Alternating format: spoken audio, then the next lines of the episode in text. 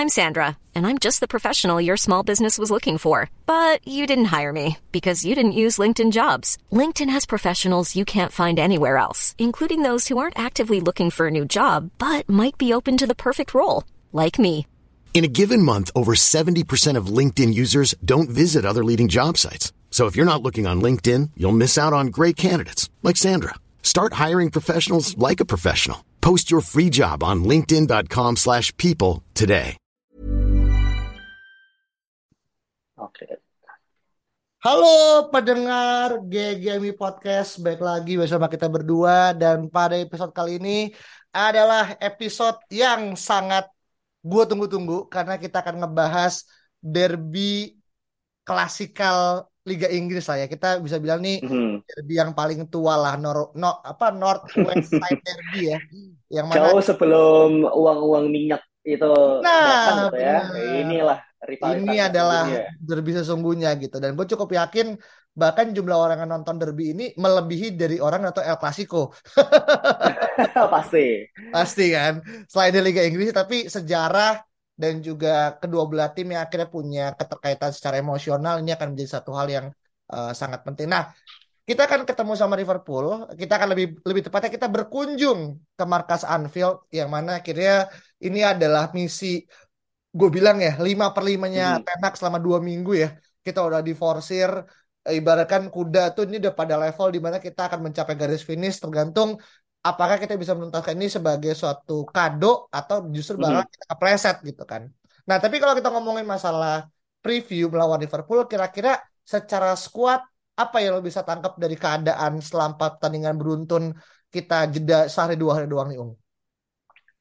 Nah, menurut gue formnya lagi berapi-api sekali ya gitu. Terlebih ketika kita kemarin habis comeback gitu lawan West Ham dan juga minggu sebelumnya juga menang EFL Cup. Minggu sebelumnya juga habis comeback lagi dalam Barcelona. Jadi kayak secara mindset gue rasa United dan juga para pemain United ini uh, ready to take on anything lah gitu, ready to take on anyone gitu bahkan gitu. Makanya ketika kemarin kita dapat uh, Fulham gitu ya di uh, apa babak babak selanjutnya di FA Cup, gue cukup kecewa karena gue berharapnya lawan Bayern Munchen main biar sekalian.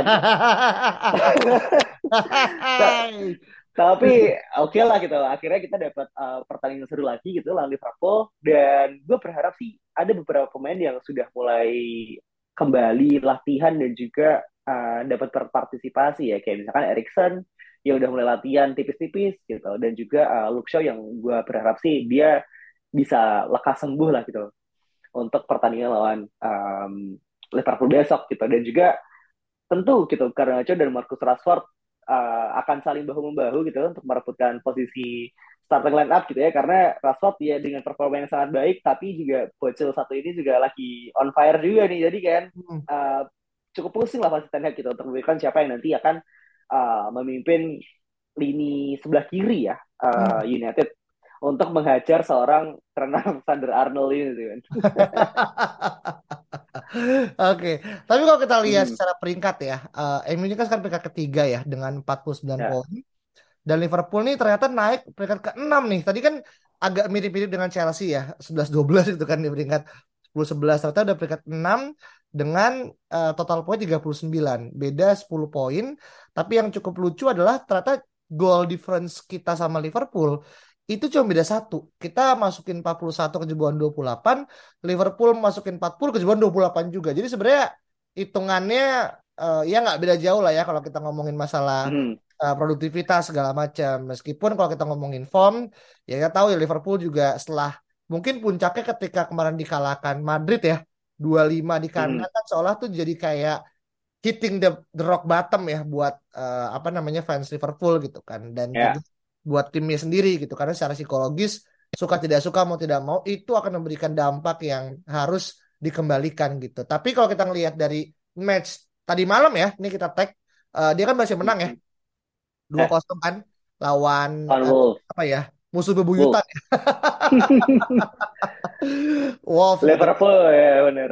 Iya kan, Eh, 2-0 gitu dan main di kandang juga. Jadi menurut gua Asian form iya mungkin Liverpool lagi kurang kurang enak badan ya kita ngomong gitu kan kalau dibandingin sama Hmm. match lalu tapi uh, berkaca pada beberapa pertandingan lokal lah kita nggak ngomongin yang Liga Champions ya karena kemarin juga jadi itu ya mereka juga lagi oke okay nih kembali lah gitu kan ke track semula gitu kan nah lu ngeliat kalau secara squad yang kita punya gitu kan kira-kira tadi kan lu bilang ya sisi kiri mungkin akan jadi uh, quote unquote ya dilema buat enak untuk memilih hmm. tapi kalau lu bisa milih starting eleven terbaik untuk besok kira-kira siapa yang bisa akan dijadikan suatu referensi um starting eleven yang jelas tentu Casemiro tidak akan diganggu gugat ya um, gue rasa McTominay pasti tidak akan punya argumen gitu untuk mengganggu posisinya Casemiro. Jadi itu itu udah salah satu nama yang sudah pasti dia akan bermain gitu. Terus untuk lini tengah eh lini depan gue masih tetap yakin Rashford, Weghorst dan juga Anthony ya yang akan uh, jadi inilah apa namanya daya gedor lah United untuk besok gitu. Cuman untuk lini belakang. Nah ini yang gue sebenarnya berharap uh, kita tidak melihat Lindelof dan Maguire lagi sih, men. Gitu. Karena karena kemarin sudah diistirahatkan gitu ya, Varane dan Martinez harusnya sih secara uh, rotasi sangat memungkinkan dan masuk akal gitu untuk dua pemain ini uh, starting lawan Liverpool besok gitu dan kembali lagi gitu di sisi kiri ketika di episode sebelumnya gue bilang bahwa kombinasi dan juga chemistry antara Marcus Rashford dan Luke Shaw ini sangat luar biasa. Gue sih tetap berharap Luxo bisa cepat sembuh dan juga bermain di sisi kiri sih men. Dan untuk sisi kanan ini berdebat gitu ya, tidak bisa diganggu gugat Aaron Wan harus main. Hmm. Apalagi kan kalau kita ngomongin kanan sekarang Jota udah udah kembali dari cedera ya. Hmm. Kemarin hmm. tuh gue juga ngeliat gue paralel sih nonton di HP dan juga nonton TV kayak boleh juga nih Jota nih setelah comeback kayak gitu kan. Uh, maksudnya dia main di sisi kiri kan untuk akhirnya uh, dan cukup berbahaya juga nih pemain gitu kan. Jadi Wan Bisaka emang adalah orang yang tepat ya untuk bisa mengimbangi kelincahannya Jota.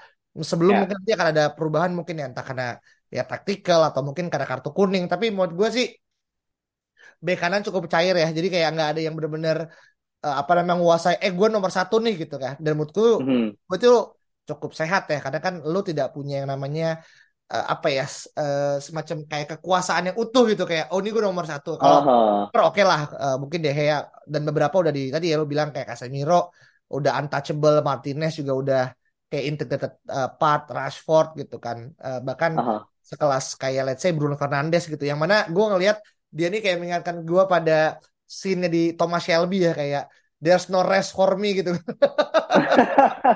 ini orang bener-bener kayak setiap pertandingan kayak oke okay, gue main lagi, oke okay, gue main lagi itu. uh, uh, betul betul betul. Nah gimana? Lo, Mungkin lo, yang uh, menarik yang menarik justru nanti yang siapa akan jadi partner ya untuk hmm. Casemiro sih. Ah, gitu. itu dia. Apakah Nah, menurut lo apakah uh, masuk akal gitu ya untuk Kurt bermain langsung sebagai starter atau lo kasih kesempatan lagi untuk Sabitzer men? Nah ini juga kalau Bruno kan tidak mungkin diganggu ya kalau Bruno ya. Iya iya iya ya. Bruno tuh inilah ya Bruno tuh abang-abangan yang udah pasti udah penjata kapten lah gitu. Soalnya kalau misalkan Bruno nggak main ya, ah, betul. ya deh ya gitu kan. Uh, tapi maksud gue lagi nih, hmm. memang untuk akhirnya memilih pasangan yang tepat untuk Rash, uh, untuk uh, Bru, untuk Casemiro ya untuk di laga Liverpool yang kita tahu juga, gue cukup yakin ya uh, kalau kita hmm. ngomong masa position bola besok akan cukup berimbang gitu kan, karena kita tahu juga Liverpool juga mainnya juga as in secara kolektif gitu kan. Ya, kita tahu bagaimana tren yang akhirnya masuk ke dalam gitu inverted uh, wingback gitu ya. Mana menurut gue mm. orang-orang kayak Fred adalah orang yang akhirnya bisa memutus uh, serangan. Meskipun Sabitzer juga nggak kalah as in secara gimana akhirnya dia bisa mengkontrol tempo. Itu kan yang nggak Fred miliki kan. Iya kan, Fred kan yeah. lebih pada orang yang akhirnya fokusnya pada memutus dan kita gue sih berharap ya, kalaupun akhirnya mau jujur, kenapa nggak akhirnya tengahnya adalah Fred, Sabitzer, Casemiro, kanannya adalah uh, Bruno, kirinya let's say Rashford, depannya adalah uh-huh. uh, apa namanya Wakehorse gitu itu menurut gue gue pengen melihat sih kayak kombinasi Fred uh, hmm. Casemiro dan juga Sabitzer benar-benar menjadi apa ya bisa bilang semua tuh melengkapi ya Casemiro lebih ke defensif Sabitzer lebih kepada untuk yang mengatur uh, serangannya SN dari tengah Fred dan akhirnya hmm. tugasnya untuk akhirnya jadi nyamuk aja gitu untuk siapa pun akhirnya megang bola gitu kan jadi hmm. itu dari sudut pandang gue sih meskipun gue yakin chance-nya akan sangat sangat kecil untuk akhirnya memainkan Mm-hmm. apalagi ada ada apa namanya Anthony dan juga kembalinya Sancho yang mungkin bisa menjadi opsi mm. segala macam gitu sih. Iya dan sebenarnya sih kalau misalkan dengan opsi yang lokasi tadi gitu ya, itu agak cukup susah gitu karena uh, kembali lagi kita tidak punya pilihan banyak untuk lini tengah gitu dengan fixture yang sangat padat ini gitu ya kita bermain dua tiga hari sekali sih untuk memainkan tiga midfield langsung gitu ya itu sangat riskan sih men sebenarnya hmm. gitu jadi kayaknya uh, tepat dengan Casemiro dan Fred atau Casemiro Sabitzer gitu kan Bruno mungkin akan bermain lebih uh, di tengah atau mungkin di kanan, justru yang Weghorst yang kembali lagi gitu ya jadi pemain nomor 10 sih. Ini yang mungkin kenapa Weghorst di tengah jadi pemain nomor 10 ya karena uh, selain pressing dia yang sangat bagus, tapi juga kita tidak punya banyak pilihan sih di lini hmm. uh, tengah. Hmm, iya iya makanya kan itu kan tunggu tunggu itu hmm. ya dan juga kayak terlalu kayak ya kayak fans fantasi aja gitu ngelihat akhirnya mm-hmm. at least Sabitzer, Fred dan juga Casemiro bermain dalam satu lini yang sama it will be very crazy dan gue masih mm-hmm. berharap ya mungkin nggak lawan Liverpool ya terlalu riskan tapi let's lawan tim-tim yang memang akhirnya kita uh, mungkin ya secara ball position kita akan lebih coba untuk bisa eksperimental gue akan sangat senang melihat uh, ketiga orang itu bermain bareng. Karena tiga-tiga punya kualitas ya. Ini bukan kayak lo milih Sabitzer atau McTominay gitu. Ini totally dua hmm. dua dua level yang berbeda gitu kan. Jadi menurut gue sih makanya mereka uh, akhirnya masuk ke dalam starting. Even kalaupun akhirnya kasih uh, Erikson pun udah mulai sembuh gitu itu bakal jadi amunisi tambahan ya untuk akhirnya merotasi mm -hmm. gitu kan biar dia nggak merasa meskipun gue ngerasa dia malah lebih nggak suka kalau di dia di di substitute gitu si Erikson nggak nggak Bruno Bruno oh iya udah pasti tuh udah pasti ya Nah, pasti. Dia bener-bener apa ya ansung hero lah ya. Kita sering ngomongin uh. Kemarin Garnacho gitu Casemiro. Tapi Bruno adalah orang yang mungkin karena kita udah sering kali ya. Dulu dia apalagi di uh. match, match pas zaman Oleh kan dia yang seolah kan ngangkat kita ya. Betul. Pada pada, pada derajat yang harusnya tidak ada di situ kita. kan dia orang akhirnya menjadi satu momok dan gue cukup yakin ya hmm. dia ini akan jadi pembeda ya besok ya entah dengan mungkin um, passing-passingnya dia atau mungkin dengan kreativitas yang dia buat di sisi kanan yang cukup fluid juga ya. Mm-hmm. Orang kan mulai membicara kayak Bruno tahu di kanan uh, maka mm-hmm. ya udah gitu akan akan cenderung uh, dead gitu karena akan mati tapi ternyata nggak juga gitu kan. Kemarin di gol ketiga kita lawan eh sorry gol kedua ya uh, lawan yeah. itu kan umpan dari silangnya Bruno gitu kan yang akhirnya pun gagal tapi kan bola muntahnya akhirnya masuk ke dalam dua pemain MU Weghorst dan juga Garnacho yang akhirnya dituntaskan dan itu menurut gua ya perlu kita apresiasi gitu kan pre asisnya Bruno hmm. gitu kan. Nah, tapi gini, kalau kita ngomongin masalah statistik gitu, sebenarnya MU punya catatan yang kurang baik ya main di uh, Anfield gitu kan. Dan terakhir kali kita menang itu tahun 2016. Itu pas zamannya Van Gaal. Jadi itu cukup... yang final eh, ini ya, apa namanya? saltonya Juan Iya, Rooney. Rooney, Rooney. Mata. Eh, Mata sorry sorry. Iya, iya. Mata, iya. yoi, yoi. Iya, itu yang terakhir kali kita menang dan udah cukup lama kan dan eh memang uh pas itu memang Liverpool masanya berjaya ya maksudnya kita juga nggak bisa untuk mata era 17, 18, 19, 20 tuh ya Liverpool mendominasi lah ya as in secara uh, hmm. lokal eh lokal dan juga interlokal ya Liga Champion dengan dia masuk ke hmm. apa, mendominasi tuh ya hmm. mendominasi tuh menang Premier League ya. Mendominasi ya, walaupun, cuma sekali ya. Iya, walaupun cuma sekali ya. Iya iya iya iya, tapi ya paling enggak kalau menurut fans Liverpool kan mendekatkan jarak lah gitu kan. Oh iya. iya. 2019 iya. gitu kan. Oke okay lah. Iya. Tapi uh, ini jadi ini kan selalu jadi momok ya uh, apa namanya uh, Anfield gitu. Kita tahu sendiri magisnya Anfield uh, untuk MU tuh akan menjadi double pressure karena bagaimana akhirnya uh, pemain akan mendapatkan tensi yang tinggi dan ini yang mungkin akan menjadi ujian pertamanya Casemiro kali ya. Karena kan di match pertama match, match pertama kita lawan Liverpool ya di match ketiga kan Casemiro belum main kan? Belum hadir. Belum hadir. Dia kalau nggak salah baru di iya. baru di reveal nggak sih kalau nggak salah?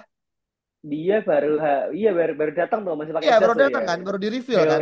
Iya baru di reveal kan segala macam dan kita berharap oh semoga sih main ternyata enggak dan gue ingat banget momen lawan Liverpool di uh, match ketiga itu kan momen kebangkitannya MU ya uh, bagaimana akhirnya kita kalah dua kali gitu kalau Brighton dan juga Brentford ujungnya kita bisa menang dua satu tipis meskipun saat itu juga Liverpool juga seri-seri ya di dua match awal ya hmm. jadi ya sama-sama hmm. kesakitan lah bisa dibilang gitu. Hmm.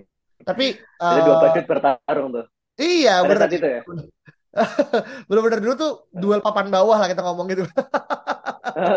Iya karena MU kan itu gue gitu, MU kan peringkat ke-20 kan. Kan dua kali kalah. Betul. 6 gol dilesakan gitu ya wajar kalau kita akhirnya berada di rock bottom Liverpool ya mungkin gue lupa di peringkat 17 18 lah tapi sekarang kan udah mulai beda ya MU udah masuk ke peringkat 3 Liverpool juga peringkat beda 6. dong bos iya kan segala macam gitu nah lu ngelihat gimana akhirnya kita bisa meredam keganasan Anfield dan juga mungkin momen kebangkitannya Liverpool yang sekarang lagi mulai menemukan ritme yang kembali nih Ung hmm. iya kalau misalkan pertandingan lawan Liverpool di Old Trafford kemarin adalah titik balik gitu ya untuk United untuk akhirnya uh, apa namanya bisa berjuang dan juga merubah mindset dan mentalitas gitu. Menurut gue pertandingan di Anfield besok itu adalah apa ya sesuatu yang benar-benar akan meyakinkan kita bahwa United ini benar-benar berada di uh, jalan yang benar gitu yang lurus gitu ya. Karena kembali lagi itu kalau memang misalkan lo ingin meyakinkan uh, orang-orang gitu atau mungkin rival-rival kita bahwa kita punya mentality yang tepat untuk bersaing di Premier League gitu musim ini gitu adalah dengan menaklukkan Anfield nih caranya gitu karena ya semua orang udah pasti tahu lah markisnya Anfield seperti apa gitu dan kalau misalnya kita bisa mereplika apa yang Real Madrid lakukan gitu di pertandingan sebelumnya itu sih udah pasti menurut gue jalan-jalan selanjutnya gitu ya match-match setelahnya it will be like a walk in the park sih men kalau misalnya kita bisa lolos dari ujian Anfield. Hmm, iya iya iya. Oke, berarti ini sebenarnya selain daripada Barcelona, West Ham dan juga Newcastle sebenarnya bola panasnya tuh ada di Liverpool kan. Meskipun mm, ya sekali lagi ya kayak ya yang lainnya tuh jadi salah satu momen yang akhirnya mau nggak mau harus kita lewati karena tuh knockout semua kan. Ya Barcelona lah, ya West Ham lah ya uh, Newcastle itu kan semua ke knockout ya once itu satu kali gagal ya udah kita nggak punya banyak ya kita udah udah tutup peluangnya segala macam tapi kan Liverpool kan lebih ke liga ya dan liga kan maraton gitu tapi sama karena memang ada aroma gengsi ada aroma rivalitas gitu ya ini hmm. jadi satu bumbu-bumbu yang akhirnya gue cukup yakin ya uh, besok hari Minggu Minggu malam di Jakarta terutama ya itu akan semua akan merah semua gitu. Ya tergantung lu merah yang mana yeah. gitu merah yang uh, satu atau merah yang dua gitu kan. Jadi kan akan sangat menjadi duel. Hari Senin tuh lebih merah mana sih gitu kan? Uh, betul. Hari iya, Senin kan? tuh siapa yang masuk kantor tuh mukanya senyum-senyum gitu nah itu nah, dia gitu itu kan. tuh dan siapa yang akhirnya lebih mendominasi timeline Twitter gitu itu kan dari situ aja kan kita bisa lihat siapa yang akhirnya bisa lebih menyambut hari Senin dengan Betul. gembira gitu kan. Jadi uh, kalau yang mungkin belum siap mental dan mungkin ngerasa aduh mm-hmm. takut dibully mungkin bisa ngajuin cuti kali ya. Karena itu kan dilakukan sama teman kita juga ya. Nah, gue bilang kalau misalkan eh kalau misalkan eh iya betul. Kalau misalkan setiap MU kalah kita cuti men, itu yeah. musim lalu gitu kita di Bang Rangnick kita nggak punya apa-apa ini buat liburan nggak bisa coy ah jadi kita iya iya, iya. Makanya sangat bersyukur lah gitu kalau kita sedang berada di ini ya uh, apa namanya tren yang sangat luar biasa gitu di Baten. Hmm. Jadi tidak perlu lah anda sampai-sampai cuti gitu iya. untuk menyelamatkan muka di kantor tuh nggak usah. Benar benar karena ada jaminan. Apalagi tahu ya Tena kan spesialis babak kedua ya. Uh, jadi iyo, iyo. itu juga hal yang akhirnya mengingatkan kita pada uh, Vergi time ya. Apalagi kemarin di pertandingan West Ham kan juga uh, Garnacho dan juga Fred kan nyetak di menit ke 90 ya. Karena kan itu kan 89 hmm. lewat dari uh, hmm. berapa ya? 30 itu kan itu, udah masuk ke 890 kan. Karena kan itu ya hitungan yeah. kan segala macam kan. Nah, jadi menurut gue sih ini juga satu hal yang kita nggak pengen sih. Saya kalaupun besok kita menang lawan Liverpool tuh harus tunggu ke 90 menurut gue terlalu lama gitu kan. Jadi hmm. eh paling nggak kita punya jaminan kalau oke okay, nggak apa ketinggalan tapi ini tim tahu bagaimana cara untuk akhirnya mengembalikan keadaan. Nah itu kan dua hal yang hmm. akhirnya di zamannya Ole dan juga Ragnik kayaknya kita masih belum steady nih kapalnya gitu. Jadi kayak uh, dulu kita kalau misalkan udah kalah nih ketinggalan satu atau dua kosong tuh ya udah matiin TV, ya hasilnya juga akan berubah gitu. Tapi Kayak... sekarang gitu matiin TV balik 10 menit lagi bisa jadi udah ya tadi udah satu sama gitu kan, udah dua satu uh. gitu. Dan itu akhirnya menjadi salah satu advantage di bawah naungannya uh, Ten Hag gitu kan. Nah, tapi kalau kita lihat nih Ung, dari 59 kali pertemuan antara Liverpool dan juga MU sebenarnya kita masih unggul karena kita menang 27 kali, Liverpool menang 22 kali dan sisanya akan berakhir imbang gitu. Hanya bedanya hmm. gitu lima laga terakhir memang Liverpool yang memang lebih mendominasi dengan tiga kali kemenangan uh, dan satu kali seri dan satu kali kalah gitu kan Liverpoolnya ya. Jadi yeah. ini yang memang akhirnya kalau kita ngomongin tren saat ini memang di atas kertas mm-hmm. MU mendapatkan angin segar ya.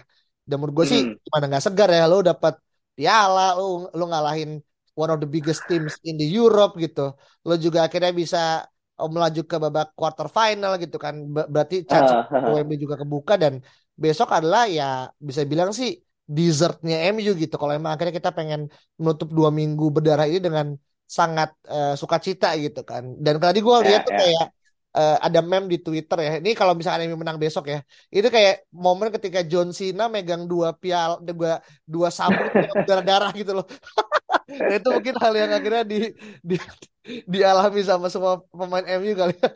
untuk yeah, akhirnya yeah, yeah, benar-benar yeah, yeah. jadi ini segala macam. Betul. Gitu dan Apa? dan untuk gelar Premier kan kita juga masih di atas kertas men kita kan masih 20 iya. bro jadi kayak benar lah gitu benar benar nah itu mungkin akan jadi uh, chantingannya fans MU ya 20 times 20 yeah, yeah. nanti itu akan jadi suatu hal yang Betul. akhirnya benar-benar perlu untuk bisa digaungkan gitu meskipun gue sih gue sebenarnya ada satu chanting lagi yang kalau bisa kita ngomongin dulu ya sebelum akhirnya Liverpool juga udah balik adalah uh, Champions of England, Champions of Europe gitu kan. Ya kalau yang di England mungkin kita masih sedikit menguasai ya. Tapi kalau kita ngomongin Europe, mm-hmm. kita juga tahu diri Liverpool yang lebih sedikit di atas angin lah gitu. Jadi gue agak cukup tidak mau mengatakan itu karena kita tahu diri kita lebih main, main di lokal gitu kan. Mungkin setelah empat mm. tahun eranya Tenak ya, baru kita bisa akhirnya mengembalikan itu ke posisi yang semula gitu. mm. Mungkin yeah. kita triplet nanti kayak Real Madridnya Zidane. Nah, itu dia tuh. Dan uh, Garnacho adalah another Vinicius Junior reborn ya. Semoga gitu. Oh, iya. semoga, semoga. Dan, dan ya, dan itu segala. Tapi kalau bisa gue mau nanya nih, kalau ada satu hmm. pemain yang mungkin lo perlu khawatirkan ya dari skuad Liverpool hmm. saat ini ya gitu ya. Terlepas hmm. mereka juga sedang dalam kondisi yang tidak baik-baik saja gitu kan. Dan ya dan gue gue juga lihat ya kayak kita mungkin kalau secara squad depth kurang tapi dibandingkan ya. Liverpool itu jauh lebih kurang lagi, bro. Karena kita lihat ya empat pemain ini Arthur, Ramsey, Gomez, Thiago Alcantara tuh masih perawatan cedera gitu kan. Yang mana mm-hmm. mungkin kita ngomongin kalau Arthur ya kita nggak ngitung lah ya gitu karena juga dia juga di banyak fans Liverpool juga kan ngerasa Arthur mm. tuh adalah pembelian yang anomali gitu kan. Tapi kalau ngomongin mm-hmm. Gomez dan Thiago kan itu kan dua pemain yang sebenarnya cukup vital ya dan juga mungkin yeah. uh, Diaz gitu kan yang juga masih menepi gitu. Tapi kalau di luar daripada itu siapa pemain yang mungkin perlu diberikan uh, main mark nih untuk besok nih, Ung? Tentu tidak lain tidak bukan kalau di Gakpo ya. Waduh. Jadi um, kita United harus bermain dengan sangat bagus tadi ya, sangat overwhelming bagi Liverpool. Jadi kita berikan pelajaran lah gitu. Kita berikan contoh bahwa lo tuh pilih klub yang salah bro. Gitu. Ini yang harus kita jadikan catatan nih. Kalau untuk pemain-pemain yang ditakuti untuk saat ini United nggak perlu lah takut kepada siapa pun gitu. Cuman besok tetap akan jadi match yang seru gitu karena ketiga pun yang selama musim panas kemarin tiga yang akan cenderung United akhirnya join ke Liverpool kan. Jadi kita harus berikan hal yang apa ya berkesan lah gitu untuk Liverpool kita aja udah memberikan ini ya, udah memberikan impresi kepada De Jong ya. Yoi, uh, yoi. Iya kan? Uh, apalagi uh, uh, itu bahkan lebih lebih lebih parah ya karena emosinya itu kan benar seratus 15 hari ya kita digantungkan gitu kan.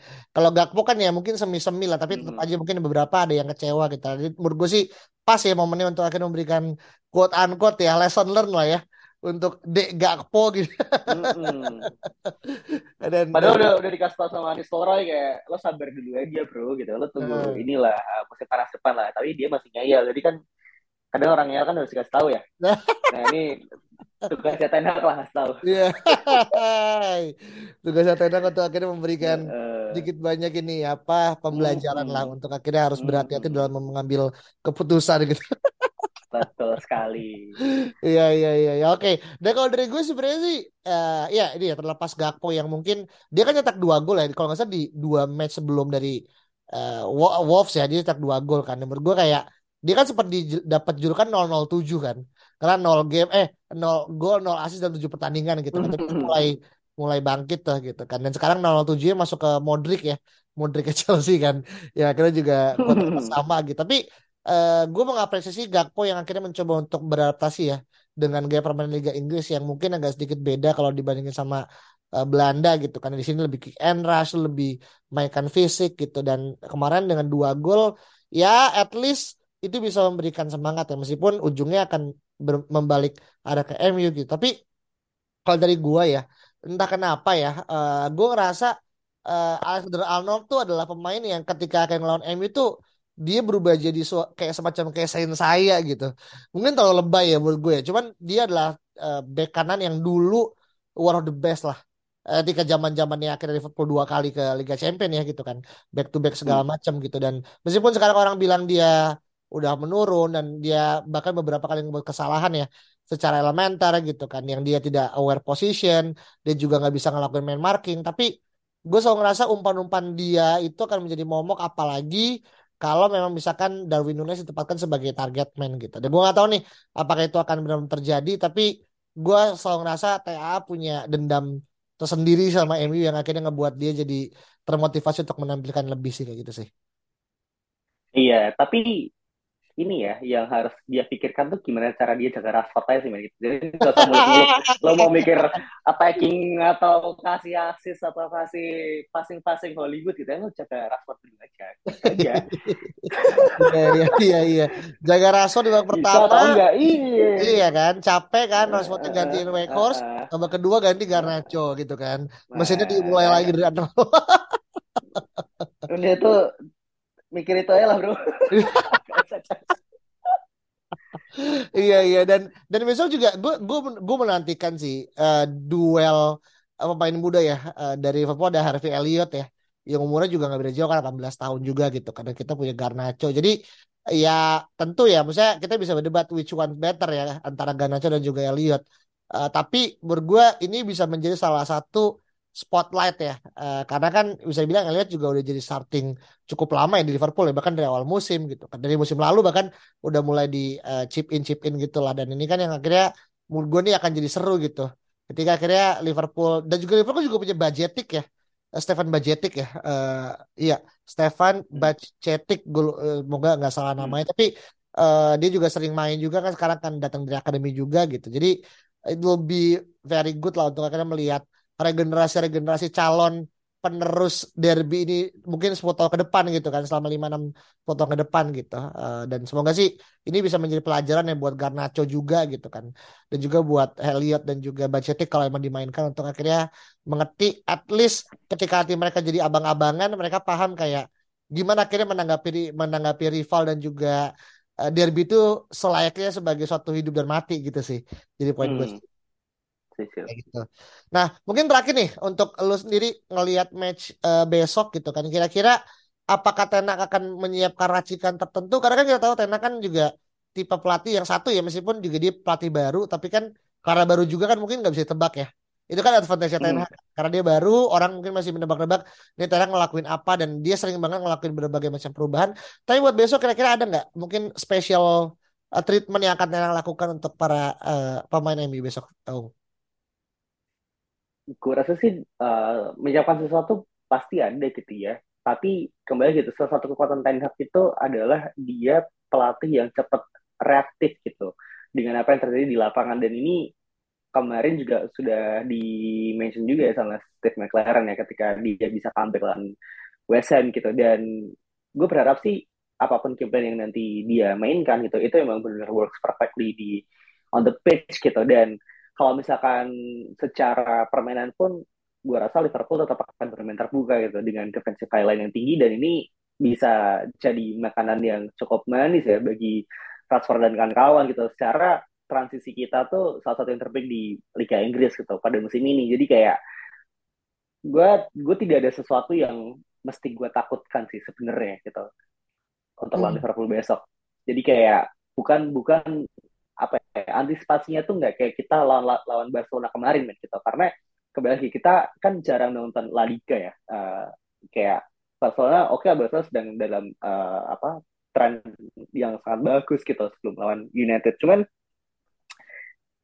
uh, berpikir bahwa Ten Hag akan melakukan sesuatu atau sesuatu yang spesial ketika melawan Liverpool gitu itu menurut gue sih dia akan akan apa menganggap ini tuh sebagai pertandingan yang ya udahlah pada umumnya aja gitu tidak bukan sesuatu yang kayak lo mesti overthinking seperti apa gitu dan ini kan yang jadi kelemahan beberapa manajer di Premier League ya gitu. suka overthinking gitu kayak Pep Guardiola atau mungkin Jurgen Klopp sendiri sih hmm, hmm oke okay. jadi poinnya adalah uh, mungkin ada ada ada ada ini ada special treatment tapi kita masih nggak tahu itu apa ya gitu kan dan hmm. kedua dengan melihat form uh, kita sedikit diuntungkan ya kita ngomongin masalah performance hmm. ya uh, nggak ngomongin masalah sejarah karena kalau sejarah mungkin lebih berlabuh ke Liverpool gitu dan gue sangat pengen yeah. banget melihat uh, gue nggak tahu kapan diumumkan tapi ini bisa jadi satu entry point karena Rashford dan juga Ten Hag bisa mendapatkan uh, player dan juga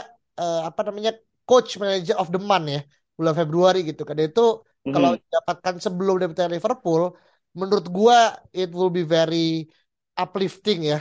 Uh, apa namanya ruang ganti. Dan apalagi kan juga kita tahu ya Casemiro kan baru dapat fifth pro player ya. Ya kan sebagai uh, apa top starting eleven gitu kan. Dengan penampilan dia di apa namanya di uh, apa namanya di ketika masih di Madrid mungkin ya. Dan juga ketika akhirnya main di apa namanya apa World Cup gitu kan. Dan terutama dengan hmm. DM jadi menurut gue sih ya sah lah kalau emang dia dinobatkan sebagai best defensive midfielder dan bermain untuk untuk MU adalah satu miracle yang sampai sekarang pun banyak orang masih nggak nyangka gitu kan dan besok adalah hmm. ya another grassfield aja lah ya buat uh, yeah. Casemiro gitu kan selain this, this is as usual aja sih iya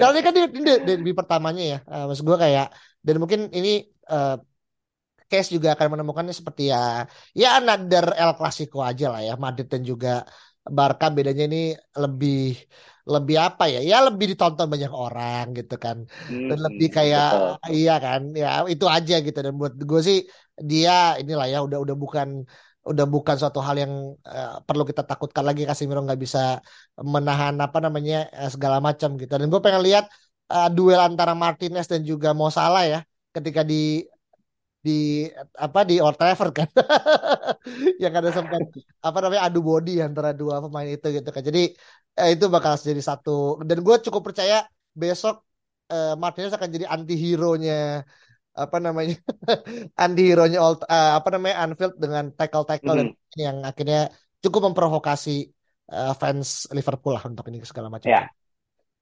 Hmm.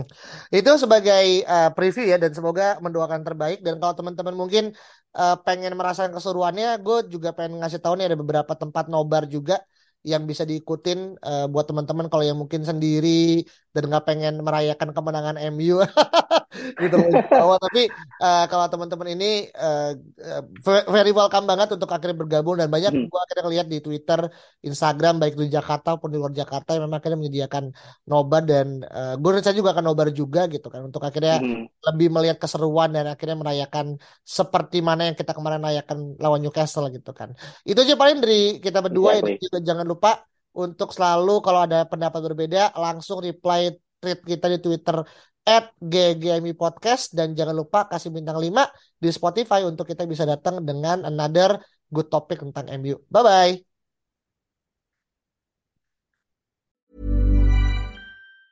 Hi, I'm Daniel, founder of Pretty Litter. Did you know cats tend to hide symptoms of sickness and pain? I learned this the hard way after losing my cat, Gingy. So I created Pretty Litter, a health monitoring litter that helps detect early signs of illness by changing colors, saving you money and potentially your cat's life. Pretty Litter is veterinarian developed, and it's the easiest way to keep tabs on your fur baby's health right at home. Go to prettylitter.com and use code ACAST for 20% off your first order and a free cat toy. Terms and conditions apply. See site for details.